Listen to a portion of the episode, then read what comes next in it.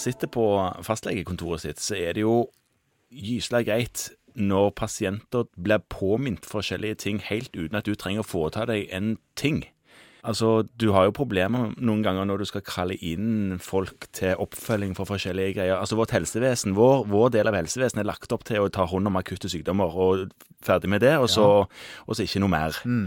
Så når folk kommer og sier 'jeg har fått brev fra Kreftregisteret om å ta den celleprøven', Ja. og jeg har fått brev fra Kreftregisteret eller en innkallelse til en mammografi, så er det gyselig. For det, går, det er liksom sånne ting som går uten at du trenger å huske på det. Slipp å tenke og bruke kapasiteten din på å holde styr på det. Så det er veldig bra og sikkert og trygt og flott for alle at det blir gjort. Men her om dagen så hadde jeg en dame som kom som sa nå, har- nå syns jeg det har gått så lenge siden sist jeg fikk sånn innkallelse til mammografi. Hvor, eh, har det falt ut? Det, altså, skal ikke jeg få det?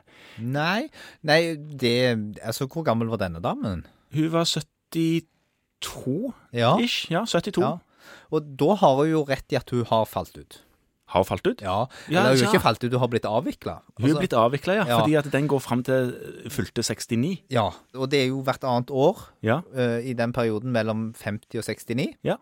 Og etter det så har man bestemt seg for at det ikke er tilstrekkelig benefit å skrine alle. Ja, for det det går på, det er hvor mange, hvor mange en finner, og hvor mange holdt jeg på å si, en eh, overdiagnostiserer, hvis en leter for, for Ja. godt. Ja, og om det da er slik at man finner en masse folk med en sykdom Ja. som er behandlbar, som en ellers ikke ville ha funnet på det tidspunktet. Ja. Og det, dette går inn i en del som vi har snakket om i en annen podkast, som handler om retningslinjene for screening. Ja. Og så har han da bestemt seg for at med de tallene en satt med på det tidspunktet en bestemte seg for dette, at uh, mellom 50 og 69 er dette fornuftig. Da, da, det- da det er lurt. Og, og det er i tråd med internasjonale retningslinjer. Hvis man går inn og ser på de europeiske retningslinjene og, og WHO sine retningslinjer, så, så er det det man har bestemt seg for at her er det vits i. Ja. Men så er det jo sånn som alle forstår, at det skjer jo ingenting magisk med et menneske, ikke noe veldig magisk i hvert fall, i det øyeblikket man enten blir 50 eller blir 69 eller Er 70. Eller 70? Nei. Så dette er et uttrykk for at man må sette grensen et sted. Mm. Og, og det er en del forskning nå, det har lagt fram noen WHO-rapporter som tyder på at det også er kost-nytteverdi over 70. Kanskje opp til 74 igjen. Ja. Og det som kanskje kan tale for det, er at brystkreft er en sykdom som blir mer hyppig jo eldre man blir. Ja visst. Og man dør mer av den jo eldre man blir. Og dermed så skal det kanskje litt færre til i den gruppen for å ha nytte av det. Mm. På den andre siden så kan man jo da kanskje si at flere òg vil presentere seg uten screening. Ja, at de kommer med symptomer. Ja, Mm. Så på den andre siden så har han ikke så mye å hente på det. Men det som er med denne damen, er at hvis hun ville vært veldig engstelig, så tror jeg nok mange av oss ville hatt lav terskel for å henvise henne til en mammografi. Hvis du var frisk og rask på alle mulige annet vis, liksom. Ja, og ellers hadde lav risiko og aldri noe brystkreft i familien. Og, Sånne ting. Ja. øh, Var aktiv ikke-røyker og alt var på plass. Aha. Ja. Så er det klart at risikoen for at hun skal ha brystkreft er veldig liten. Ja, den er jo det. Ja. Ulempen med å ta en mammografi av henne er jo heller ikke veldig stor. Bortsett fra en viss risiko for at den da er falsk positiv. Ja, den risikoen har du jo alltid. Ja. Eh, Det er litt alt etter hvilke data du leser. Altså Blant de tallene som foreligger på det, så er jo det sånn fra 2 til 10-15% falsk positive. Såpass, ja. I, altså av alle du tar. av alle du tar, ja. Ja. Mhm. Og det er jo en del. ja det er klart det er en del. og det som har vært tallet litt mot, er at eldre kvinner får kanskje flere forandringer i brystene som ikke er helt lette å ta ut. Mm. Så sjansen for en falsk positiv går opp. Ja, samtidig som at sjansen for en kreft går opp.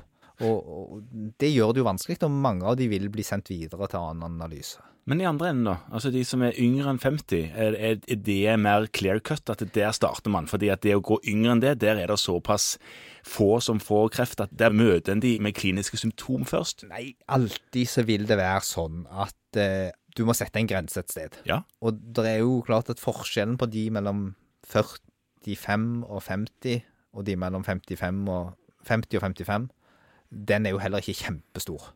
Nei. Så man setter, man får et eller annet sånt brekkpunkt for det, og det er òg en del analyser som er gjort på at kanskje hadde det lønt seg for de mellom 45 og 50, og kanskje ikke. Så igjen så blir det sånn at i de gruppene som ligger nær cutoff, så må vi da som fastleger gjøre en vurdering av om har denne pasienten noe som tilter det i den ene eller den andre retningen. Mm.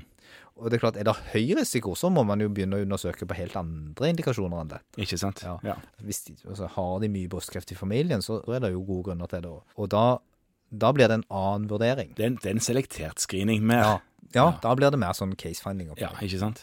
Men det er kanskje litt viktig å huske på at noen pasienter vil falle ut av screeningprogrammet og ikke helt har fått med seg at det er en periode de skal screenes. Mm. Og så er det òg viktig at disse screeningene er jo, er jo anbefalt, men de er frivillige. Ja, så pasienten trenger ikke gå, og det skjer ingenting om man ikke går. Han får ikke inkasso. Nei, nei, nei man, gjør, man, gjør, man gjør ikke det. det min, nei, man gjør ikke det uansett, faktisk. Nei, man gjør ikke det uansett, nei. Eh, Så det er kjempeviktig. Og det er frivillig å bli undersøkt på den måten, og det er faktisk pasientens privilegium å ikke vite. Og det kan man jo lett glemme Mm. i en sånn uh, hverdag der det forventes at uh, man skal vite. Ja, og, og alle tenker at det er selvsagt at man gjerne vil vite, så er det jo ikke så clear cut for absolutt alle. Nei. Nei.